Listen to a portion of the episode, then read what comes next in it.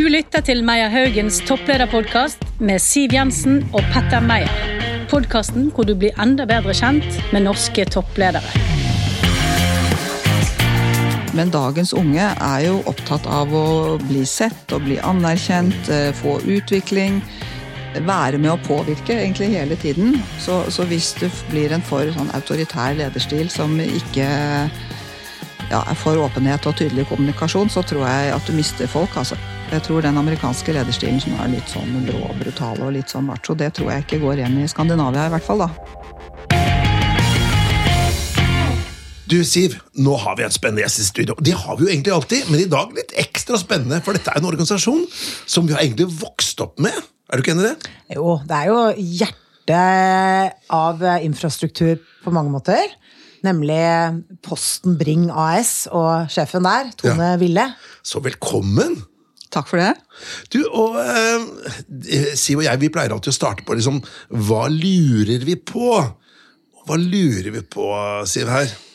Og jeg lurer på mange ting. Jeg, jeg lurer veldig på um, hvordan det har vært å lede en så stor bedrift som har vært gjennom så stor omstilling. Når vi ikke sender så mye postkort og brev lenger, så må man jo finne noe annet å tjene penger på. Og så er jeg jo Ja, det er mange ting jeg lurer på. Ja. Men du, Da kan ikke vi begynne å eh, slutte å lure og begynne å spørre, da? Så, men igjen, Hvordan er det å være leder i Posten Bring? Det er en fantastisk organisasjon som det har vært veldig spennende å lede. Og så er det en organisasjon som er alltid i utvikling. Så når jeg skal ansette nye ledere, eh, som jo er de jeg treffer i ansettelse, så snakker jeg om at man må like å være i utvikling og, og, og bidra til å finne nye løsninger. Men det er en veldig spennende organisasjon. Du har jo vært i Posten i mange år. Hvordan var Posten da du begynte? Var det i, eh, på begynnelsen av 2000-tallet? Da var det sikkert litt annerledes? Det var det. Jeg begynte i 2006, og da var jo postvirksomheten desidert størst. Jeg tror postvirksomheten hadde halvannen milliard eller noe sånt i resultat det første året. Eh, Det er det slutt på, for å si det sånn. Um, Nå har vi jo blitt en logistikkvirksomhet på mange måter. Si litt mer om hva Posten er i dag. Ja. Eh, Vi liker å si at vi er en ledende nordisk logistikkaktør. Vi har rundt 80 av omsetningen vår fra logistikk. Og logistikk er jo litt sånn enkelt sagt alt som ikke går i postkassen. Um, hvis vi ser litt tilbake, da, så hadde vi nesten to milliarder brev i året i toppåret 1999. Og så begynte brevvolumene å falle i år 2000. Og så var det en fremsynt vil jeg si, både ledelse og styre og også fagforening den gangen, som sa at her er vi nødt til å bygge nye ben å stå på, og vi er nødt til å tilpasse oss det at internett har kommet og folk sender mindre post. I siste tolv måneder nå så har vi hatt i overkant av 300 millioner brev, sammenlignet med de to milliardene. Så det er klart Posten er noe helt annet i dag. Og logistikkvirksomheten vår, det er jo det som folk flest kanskje ser, da, det er jo levering av pakker som man kjøper på nettet. Det er den delen av logistikkmarkedet som vokser mest, men det er ikke den største. Den største delen av logistikkmarkedet er gods. Altså store, tunge ting som fraktes for bedrifter. Eh, pakker til butikker, f.eks. Eh, så vi har jo et hele spekter egentlig av logistikktjenester da, eh, i dag. Og det har vært viktig å utvikle. Eh, for å være relevante i dag, og ikke minst at vi fortsetter å utvikle oss og være relevante i fremtiden. Men du, den utviklingen der har jo gått kjempefort, og egentlig ganske smertefri, vil jeg si, for forbrukerne. Da. Altså, Det er klart det er avhengig av litt om du bor i grisgrendte strøk eller midt i Oslo, ikke sant, men den derre det var jo en gang en litt sånn het debatt om hvor ofte skulle du få levert posten hjem, og det, det høres nesten ut som vi, vi kom til å omkomme alle sammen hvis ikke vi fikk posten til samme tid hver dag. Det var jo det ene. Og så var det den andre diskusjonen om dette med post i butikk, altså at postkontoret ble borte. Hvordan har de debattene gått eh, internt hos dere? Eh, ja, Det har nok vært mye mindre kontroversielt internt enn eksternt. Eh, det var jo På 90-tallet så var det vel over 2000 postkontor i Norge. Nå er det fem-seks egendrevne postkontor, og alt annet er enten post... Fem-seks? Ja, Jeg husker ikke om det er fem eller seks, men, yes. men det er der Jeg trodde du omkring. skulle si 500-600. jeg, Nei, nei. Det blir fem-seks. Vi skal beholde Longyearbyen, og så skal vi beholde noen av de største, eh, særlig ja, primært i Oslo. Ellers er det post i butikk, og så er det jo pakkebokser som vi har jobbet mye med nå de siste årene. Så vi har jo nå mye flere utleveringspunkter enn før. Eh, Eh, Men det var jo stor oppstandelse da man snakket om å begynne å legge ned postkontoret i sin tid. Det var jo demonstrasjoner foran Stortinget og i kommunene overalt.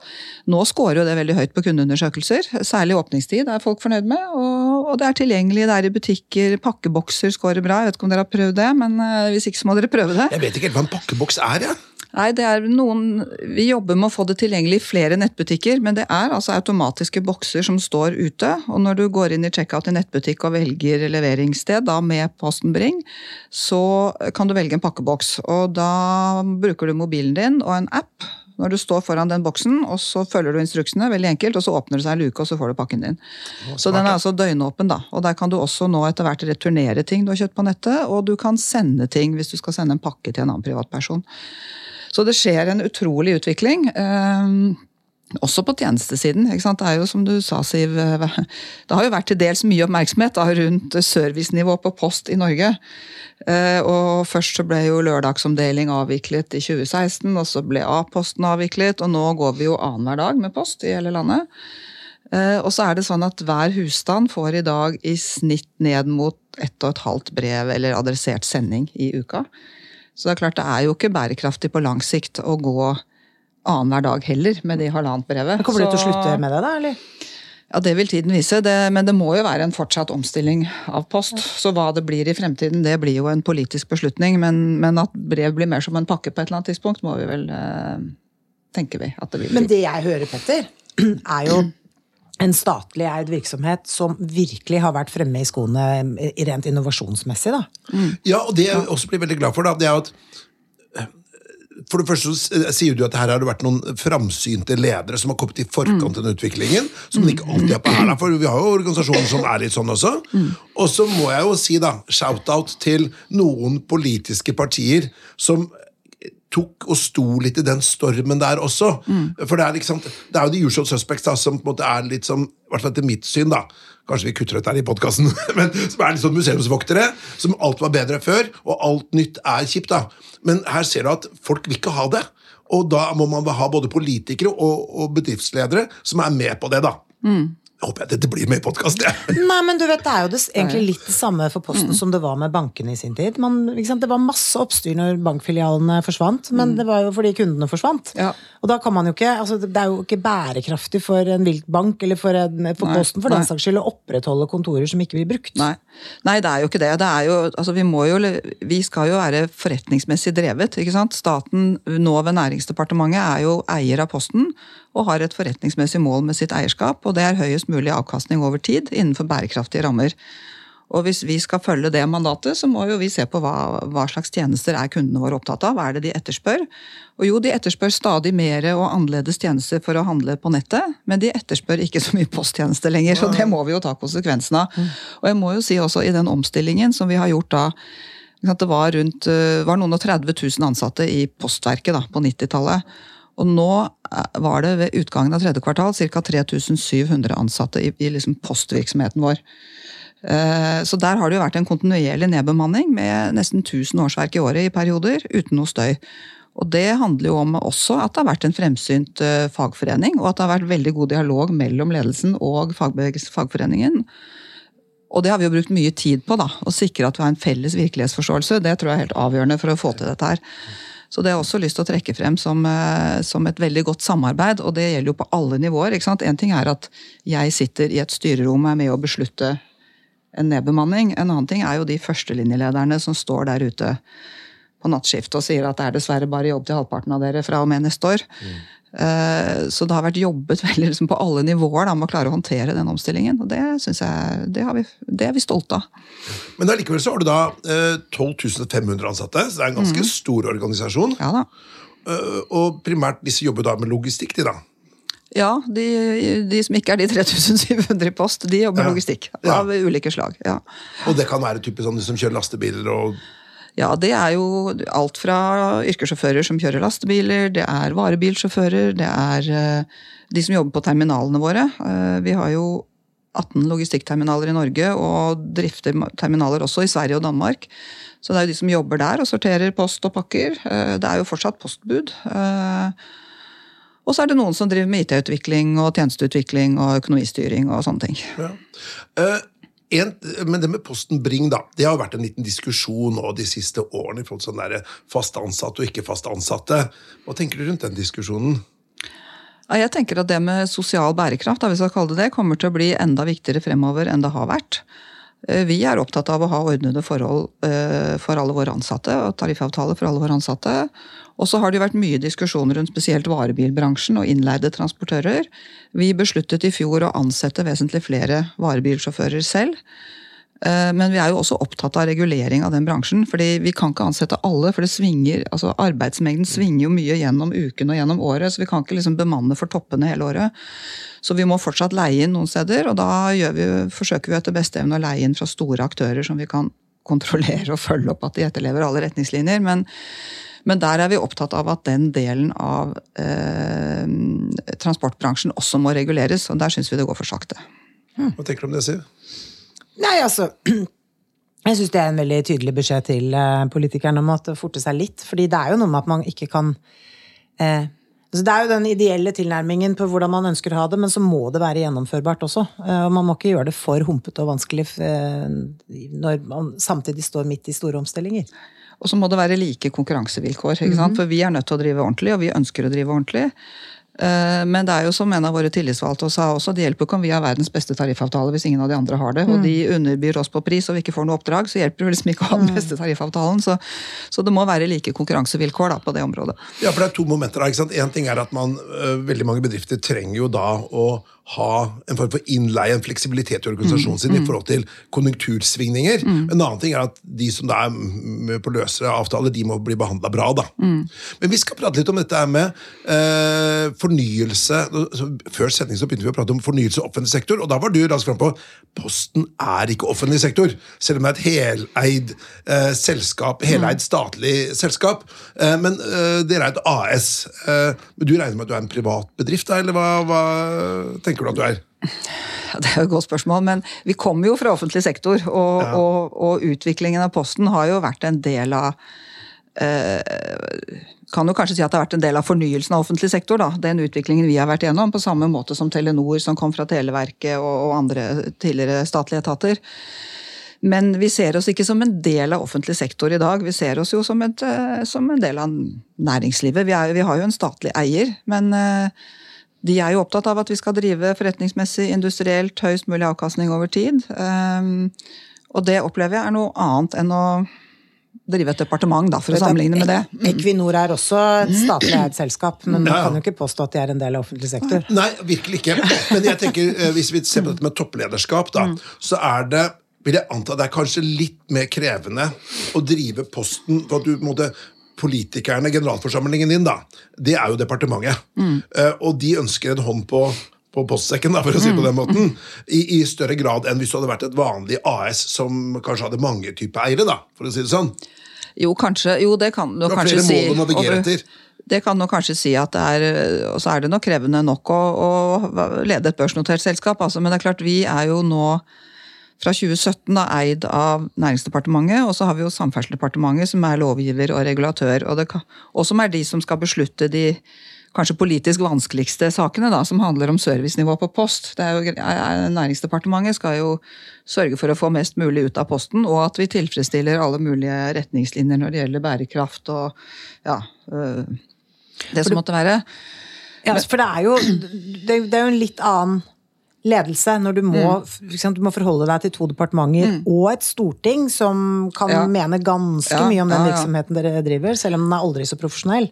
Så det kan jo bli Jeg må jo innrømme at man av og til føler at man står litt i en spagat da, mellom de to departementene. ikke sant? Fordi jeg skjønner jo at det er vanskelige politiske beslutninger å gjøre noe med servicenivå på post. Samtidig så må vi jo følge med i uh, utviklingen og tilpasse oss det som skjer. Og, så, så det å liksom klare å drive litt sånn stakeholder management på godt Ja, ja. norsk, da, og jobber godt opp Ja, mot du- Både ja. mot uh, de to departementene, og også til dels mot uh, Stortinget, transportkomiteen. Skape forståelse for Posten og Postens situasjon. da. Faktabasert forståelse. Det er jo noe som både jeg og mange hos meg bruker en del tid på, som man kanskje ikke ville trengt, eller ikke ville trengt i andre selskaper. Men med den bakgrunnen og erfaringen du har nå, så det er jo ikke sant, det å stå og navigere mellom den liksom, profesjonelle selskapet som du tross alt leder, og over litt i det politiske landskapet, det gir deg jo, vil jeg si, ganske mange fordeler eh, når du nå skal over i en ny tilværelse. Ja, får håpe det. Ja. Og så er det jo veldig spennende, da. Jeg liker jo utfordringer. ikke sant? Jeg syns jo det er litt gøy å prøve å finne ut av hvordan skal vi finne vår vei i dette. Og så har vi veldig mange flinke folk som også er gode på det de driver med, som vi, som vi trekker inn i alle disse sammenhengene. da. Petter, jeg har lyst til, å, snakke litt mer etterpå om, om dette med, med, med, styrer og kvinner og sånn, men vi kan jo ikke gjennomføre denne podkasten uten å snakke om toppledelse. Nei, det kan vi ikke. For uh, vi glemte kanskje å nevne innledningsvis mm. at du nå til sommeren så går du av som direktør for Posten. Etter mange år og veldig god skussmål, hører jeg. Så uh, er det lov å lette litt på sløret hva du skal videre, eller? ja. Eh, for det første så har vi ikke sagt eksakt når jeg går av, da. Men, eh, men det, det, blir jo neste år en gang. Men uh, ja, jeg tenker at da har jeg ikke lyst til å gå, ha en operativ jobb, men jeg har lyst til å gjøre noe litt annet. Og jeg håper at jeg klarer å bygge opp en styreportefølje som jeg kan bruke min erfaring og kompetanse på i noen år. Uh, fremover. Eh, det er for tidlig å pensjonere seg nå, og ikke ha råd til det heller. Så, så, jeg har jo lyst til å bruke min erfaring videre. Mm. Og da tenker jeg at jeg vet ikke akkurat hva det blir ennå, men eh, jeg regner med at det ordner seg på en eller annen måte. Men da må vi rett og slett fortsette å snakke om styret. Mm. Det er det jeg tenker også. Fordi at eh, det er jo ny eller Det er i hvert fall noen tanker om en ny aksjelov eh, fra neste år, hvor man da skal se på styresammensetninger i da AS-er, og da, da mellomstore selskaper, de som har da over 100 millioner i omsetning, eller 100, eh, eller er det 50 personer eller 100 personer? Jeg er litt usikker hva det blir. Men hva tenker du om en justering her, da? Hvor man skal ha en kjønns, kjønns, uh, større kjønnsbalanse da, i AS-er? Jeg tenker at det er veldig bra å ha en god kjønnsbalanse.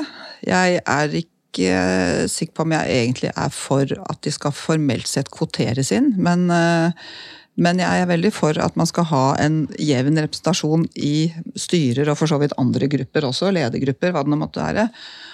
Og at mangfold er bra. Og det handler jo for så vidt ikke bare om kjønn, det handler jo om alder og kulturell bakgrunn og mange andre ting også. Så det å ha sammensatte grupper tror jeg er viktig. Eh, og jeg er helt for at det skal være eh, også en jevn kjønnsbalanse. Så hadde jeg, man, jeg, hadde håpet at man fikk det til uten å kvotere. Men ja. det kan vel se ut som man kanskje ikke gjør det, men det hadde jeg håpet. Ja. har du noen meninger om eller, altså For jeg har lurt veldig på det. Hvorfor går det så sakte? Mm. Eh, det er jo nok av flinke damer der ute å, å ta mm. av. Så hvorfor går det så sakte? Det blir jo spekulasjoner, selvfølgelig, men det er gøy ja, å spekulere. Nei, jeg vet ikke. Ja, der kan det være gøy å spekulere av og til.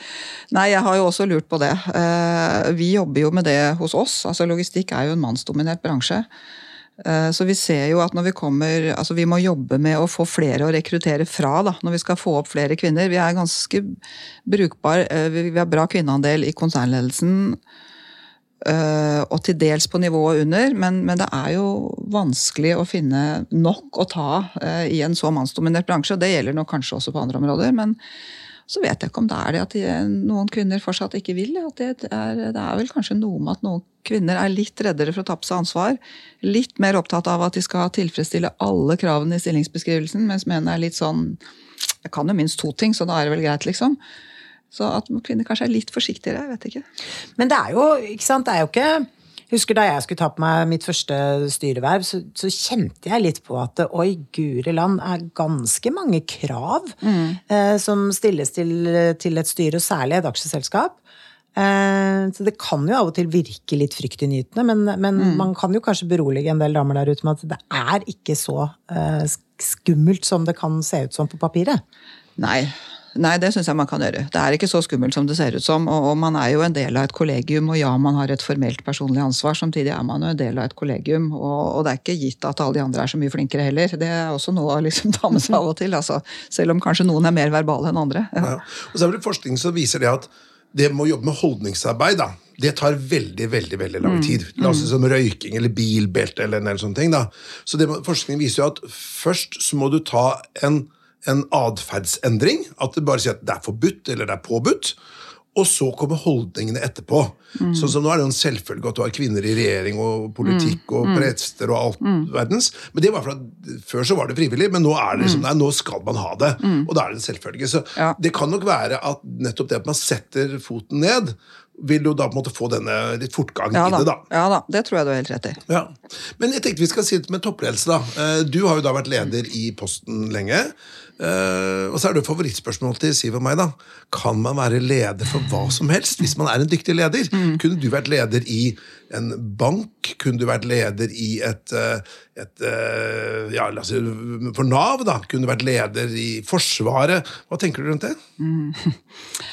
Nei, det, var, det er vel sånn Kenning-teori, at Ja, ja. man skal kunne lede hva som helst. Nei, ikke hva som helst, tror jeg. Men jeg tror at hvis man har eh, evne til, nysgjerrighet og evne til å lære seg den bransjen det sel, selskapet driver med, så tror jeg det, man kan lede forskjellige ting. Men jeg tror ikke jeg ville vært noen god forsvarssjef, f.eks. Det tror jeg blir for eh, på siden av det, det som ville vært min kjernekompetanse, for å si det sånn. Ja. Nav har heldigvis en god leder i dag, og det, det er jeg heller ikke sikker på om jeg skulle gitt meg i kast med. Men å lede en bedrift som drev med noe litt annet enn Posten, det kan nok hende at det skulle vært greit for å Men da må man jo bruke tid på å sette seg inn i Man er nødt til å forstå bransjen og hva man leder. Ikke være en ekspert på alle områder, men man må forstå bransjen. Det tror jeg er viktig. Når de skjønte du at du kom til å bli toppleder, da? Ja, Det er et godt spørsmål. Altså, Da jeg ble intervjuet, eller var i den rekrutteringsprosessen i sin tid, da, tilbake i 2016, så, sa de, så går man jo gjennom sånne personlighetstester. ikke sant? Og Da sa de at jeg scoret veldig lavt på den dimensjonen som gikk på karriereplanlegging. Ja. Og så sa de at det gjør de fleste nordmenn, sa de, men i USA så er det jo annerledes. Så jeg har ikke hatt noen sånn ambisjon om å bli toppleder. Eh, jeg vet ikke om jeg egentlig skjønte at jeg skulle bli toppleder på det nivået før jeg bestemte meg for å gå inn i den prosessen da jeg var Ja. CFO. Og så visste jeg jo ikke om jeg fikk jobben, så, men jeg tenkte det, i grunnen så tror jeg det kan være litt spennende, så jeg har lyst til å prøve. Men jeg har jo alltid vært opptatt av å ja, gjøre nye ting. Liksom utvikle meg, da. Jeg har vel alltid syntes at etter et par-tre år i samme jobb, så har jeg lyst til å gjøre noe annet. Så jeg har vært opptatt av den utviklingsdimensjonen. Men jeg har ikke gått rundt med en sånn toppleder i magen i alle år. Men jeg har likt å kunne ha innflytelse og ha ansvar. Mm. Men litt i det vi pratet om i sammen, dette med å kunne lede flere ting. da. Jeg har sett at Du har jo veldig mange interessante styreverv, og har hatt styreverv. Og Det er ganske forskjellig. ikke sant? Det er Spekter, det er Flytoget, det var Nordea, eh, det var Fjordkraft. Så det er sikkert en rød tråd der, eh, men det er veldig forskjellige bransjer. Så det å gå inn i et kompetent styre og skulle mene noe om alt fra strøm til eh, logistikk og bankvirksomhet og IT Ja da, du kan si Det er en litt sånn eh, bredt sammensatt historikk der. og den handler også om at jeg har gått inn noen steder vel vitende om at ikke det ble så lenge, fordi selskapet var i en viss fase. Da, da jeg gikk inn i Nordea Bank Norge, så var det fortsatt en, eh, et datterselskap, men de skulle bli filial. Og, så, og da var jeg CFO i Posten, og det ble gjort en vurdering av at det var eh, greit av vår juridiske avdeling at jeg kunne gå inn der. Så da var jo det en fase eh, som jeg visste at bare ville vare tre kvart år. Men jeg tenkte det kan være interessant å se hvordan det er å sitte i et bankstyre. Ja, da, da prøver jeg det. Og så jeg, satt jeg jo i Evry også ganske kort, og var jo Da var det min sjef, daværende konsernsjef, som hadde sittet der fordi Posten var største eier. Og så bestemte vi sammen med Telenor at vi skulle se om vi kunne finne andre strategiske muligheter, som det heter. Og da ble jeg som CFO bedt om å gå inn i det styret, og satt der som nestleder og også ledet revisjonsutvalget. I den perioden hvor vi forsøkte å finne eh, noen som kunne kjøpe eh, aksjeposten vår, for å si det litt enkelt. Eh, Så da var det liksom en oppgave som skulle løses. Så det syns jeg også var interessant, selv om det var kortvarig. Men jeg tenker at det er mulig å Jeg tror jeg har mye bakgrunn fra endringsledelse, eh, de tingene som har vært viktige for Posten. eh, Videreutvikling, være i forkant, innovasjon, bærekraft. Som kan være nyttig for alle selskaper. Eh, Men man må jo lære seg bransjen hvis man går inn i noe som er noe helt nytt. Da. Du høres jo veldig ut som en sånn gjennomfører. Ja. Ja. Ja da, det tror jeg at jeg har god gjennomføringsevne. Execute ja. on the strategy. Det er jo det vi ser etter når vi ser etter toppledere Ja. hos oss.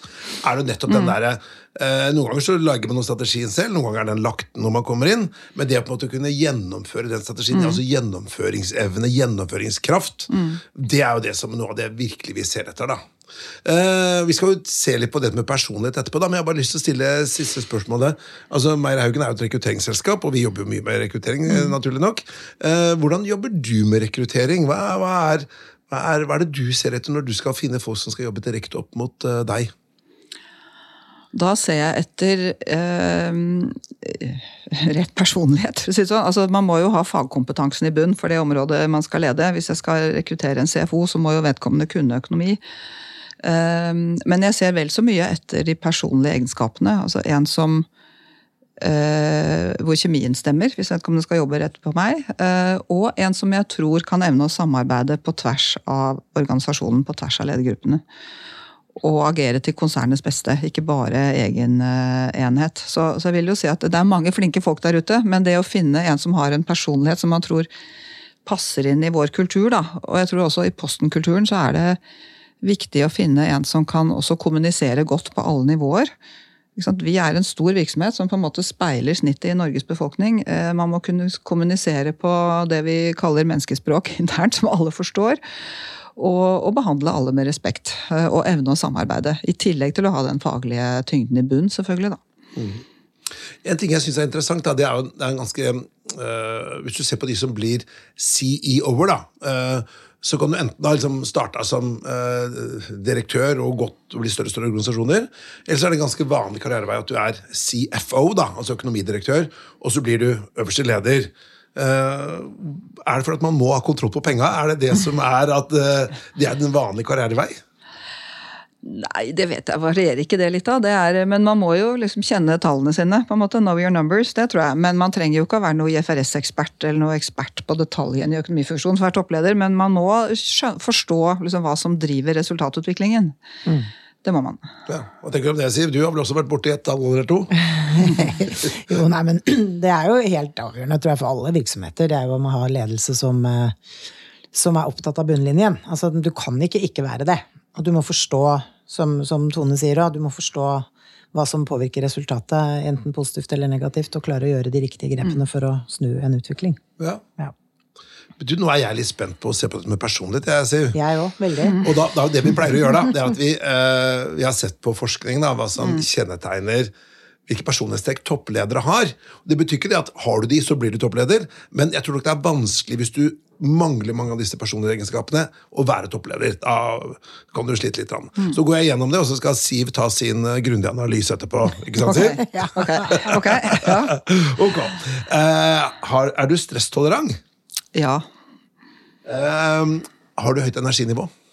Ja, det vil jeg si. Mm. Selvtillit? Ja, stort sett. Påvirkningskraft?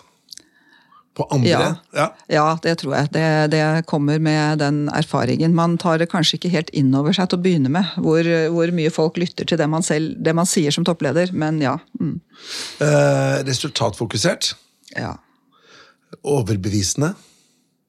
Kan være. Hensynsfull? Ja, det tror jeg nok kanskje litt for mye av og til. Ja. Eh, Besluttsom? Ja, selv om jeg av og til kan bruke litt lang tid på vanskelige beslutninger. Ja. Optimistisk? Ja, det må man nesten være. Ja. Her var det litt å ta tak i, Siv! Ja, altså, Det jeg ofte vurderer, da, er liksom hvor, hvor fort kommer svaret. Når, når det blir en nøling. Ja. Den første nølingen her, den kom på selvtillit. Og det er ikke første gang vi opplever. Er det bare sånn eh, natur, eller sånn kledelig beskjedenhet? Kokettering? Ja, eller hva, hva er det for noe? Eh, nei, det går nok litt på ja, altså det er klart Jeg har jo selvtillit i den rollen, men eh, det går nok på at eh, ja, på noen områder ja, og andre områder sånn, så kan man jo stille, være litt mer i tvil om var det er det riktig beslutning? Burde jeg gjort mer sånn? Burde jeg vært mer synlig her? Altså at, ja. Men sånn i utgangspunktet så har jeg jo selvtillit. Men jeg er, ikke, jeg er jo ikke en sånn toppleder som elsker å stå på scenen og elsker å være i media i alle sammenhenger. liksom. Det er jeg Du er ikke. ikke den kvinnelige versjonen av Petter Stordalen? nei, jeg er ikke det. Jeg tar ikke armhevinger på scenen. Nei, jeg er ikke det. Men uh, Og så nølte du litt liksom, på, på dette med å være overbevisende. ja, og kanskje det henger litt sammen med det andre. Altså, jeg, jeg tror jeg kan være veldig overbevisende når jeg har bestemt meg for noe, og det vet jeg. Og jeg bruker jo øh, ikke Det er jo ofte de vanskelige diskusjonene og temaene som kommer på mitt bord. De enkle tingene er jo noen som har løst før de kommer så langt. Eh, Og når jeg da først har bestemt meg for hva jeg tror er riktig løsning, hvis dere to er uenige og kommer med et eller annet til meg, så går jeg liksom litt inn i fakta. Og jeg først, når jeg først har bestemt meg, så kan jeg være ganske overbevisende, tror jeg. Men, eh, men jeg er nok også veldig lyttende til hva de ulike interessentene i en sak måtte mene. Og da kan det kanskje ta litt tid, da, i hvert fall, før jeg overbeviser. Ja, men Da kommer vi jo egentlig inn på det sist tredje, som, og det var dette med besluttsomhet. Hvor du også sa at ja, men du kan bruke litt tid på å komme til Og det er jo det samme resonnementet du egentlig hadde nå. Så disse henger jo da tydeligvis sammen, da. Ja, ja, de henger nok litt sammen. Og jeg tror nok jeg oppleves som besluttsom, og er jo det, for man må jo ta beslutninger. Og noen må man ta litt fort, og noen kan man tillate seg å bruke litt lengre tid på.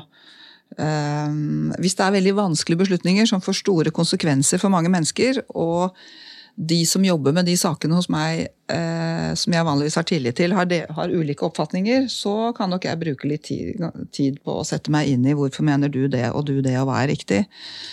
Eh, hvis det er liksom enklere saker, så er det jo mer sånn dette må vi bare få unna. Så det aller meste går jo veldig fort. Men de vanskelige strategiske beslutningene som får konsekvens for mange mennesker, de kan det vel hende at noen syns jeg kunne tatt raskere av og til. Da. Mm. Samtidig så er det en del av en forankringsprosess som gjør at når vi først har bestemt oss, så går vi. Men da er du ikke en sånn type leder som kommer til møte med Egentlig så har du bestemt deg på alle mulige måter. Du, bare på en måte inviterer til en sånn uh, diskusjon for syns skyld. Mm. Nei, det gjør jeg ikke. Jeg uh, ønsker å lytte ut de som sitter rundt bordet. Hvis ikke syns jeg ikke det er noe vits å ha saken der. Nei. Mm. Men jeg la også merke til at dette med hensynsfull, så syns jeg du sa ja, kanskje litt for mye noen ganger. Mm, Husker jeg feil, eller? Nei, jeg, jeg, bruker kanskje litt mye tid, tror jeg jeg har tenkt på det. Når jeg, hvis jeg skal sende e-poster, f.eks., og på å liksom sørge for at de fremstår som konstruktive og, og, ikke blir så veldig skarpe. For jeg kan bli litt skarp hvis jeg vet det, hvis jeg ikke gjør det. Og det tenker jeg av og til, det der burde jeg ikke brukt så mye tid på.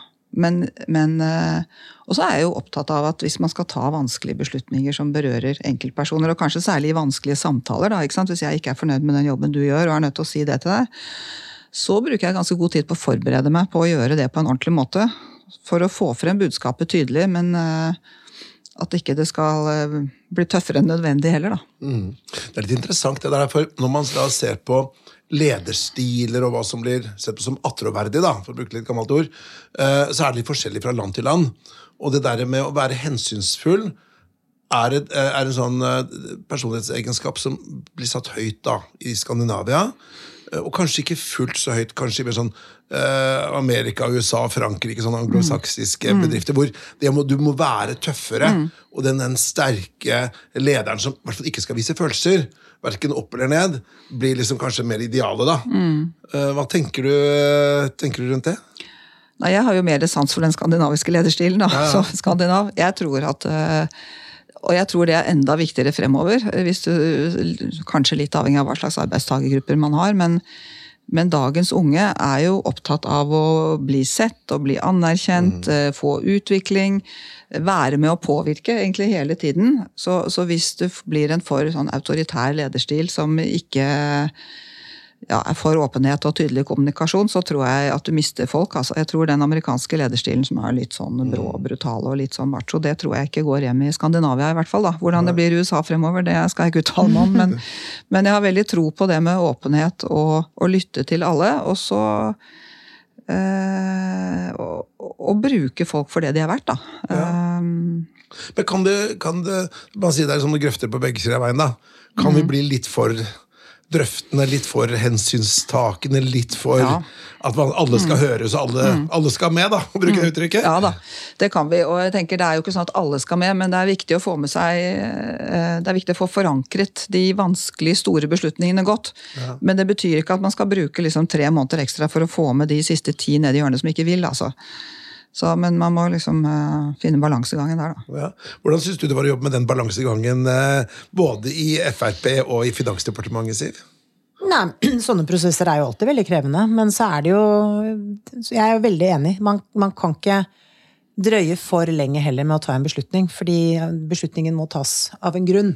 Og da må noen ha jobben med å skjære igjennom og ta beslutningen mm. og gjennomføre. Selv om du vil få kjeft, og at ikke alle er fornøyd. Sånn må mm. det være, faktisk. Mm. Ja. Mm. Ja, Det er viktig med tempo. altså. Så, så når, når, vi snakker om disse tingene, så betyr det jo ikke at det skal drøye vinter og vår for å, for å forankre ferdig. Men, men, det er også lettere å få gjennomført noe i en stor organisasjon hvis det er en viss forankring og forståelse. Det må være en forståelse der ute av hvorfor. Mm. Og så kan noen være uenig. Eh, det vil det alltid være. Men det må være en forståelse av hvorfor, ellers blir det utrolig vanskelig å gjennomføre etterpå. Ja.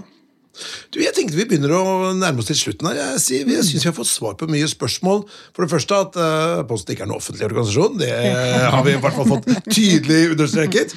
Og at det er en kontinuerlig endringsprosess. Og at uh, her er det en person som har uh, mer krutt å gi.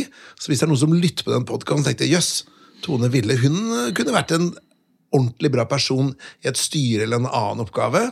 Så jeg tror nok det er bare å kontakte henne, da. Det vil jeg tenke Da bare tror jeg du får mye for penga. Ja, det tror jeg jo. Mye erfaring. Ja. Definitivt. Fikk du svar på alt du lurte på, Siv? Jeg gjorde det. Og jeg syns jo det er morsomt å høre den reisen som, som eh, Posten Bring har vært gjennom. Fordi vi som har levd en stund, har jo også vært gjennom den endringen, på en måte. Mm. og så, Jeg husker jo så godt, jeg bare avslutter med å si det, fordi at eh, der jeg bor, så tror jeg det var en av de liksom, Jeg gikk og lengtet etter å få post i butikk. Fordi postkontoret var alltid stengt når jeg eh, skulle dit. Ja.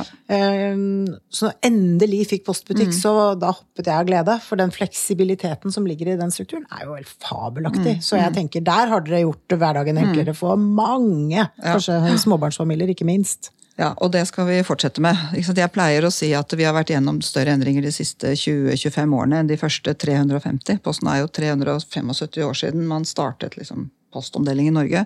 Men vi har kanskje de aller største endringene foran oss med det som skjer nå. med sant, Som en logistikkaktør, de mulighetene som teknologien gir, mm. bærekraftsarbeid. eh, Det å bruke innovasjon og teknologi for å finne bærekraftige løsninger som blir enda bedre for kundene våre. Så det kommer til å komme mange endringer også fremover, også etter min tid. Du, jeg tenkte at vi kunne end on a high note. Tusen hjertelig takk for uh, eh, å prate med oss i denne podkasten. Lykke til med oppløpssida da i posten, og også lykke til med ditt nye liv som eh, hva nå det skulle bli. Selv takk. Takk for hyggelig samtale. Du har lyttet til rekrutteringsselskapet Meyer Haugens topplederpodkast. Vi produserer også Rekrutteringsrådet og stillingspodkaster. Har du forslag til gjester eller temaer vi bør snakke om, gå inn på vår Facebook-side Meyer Haugen.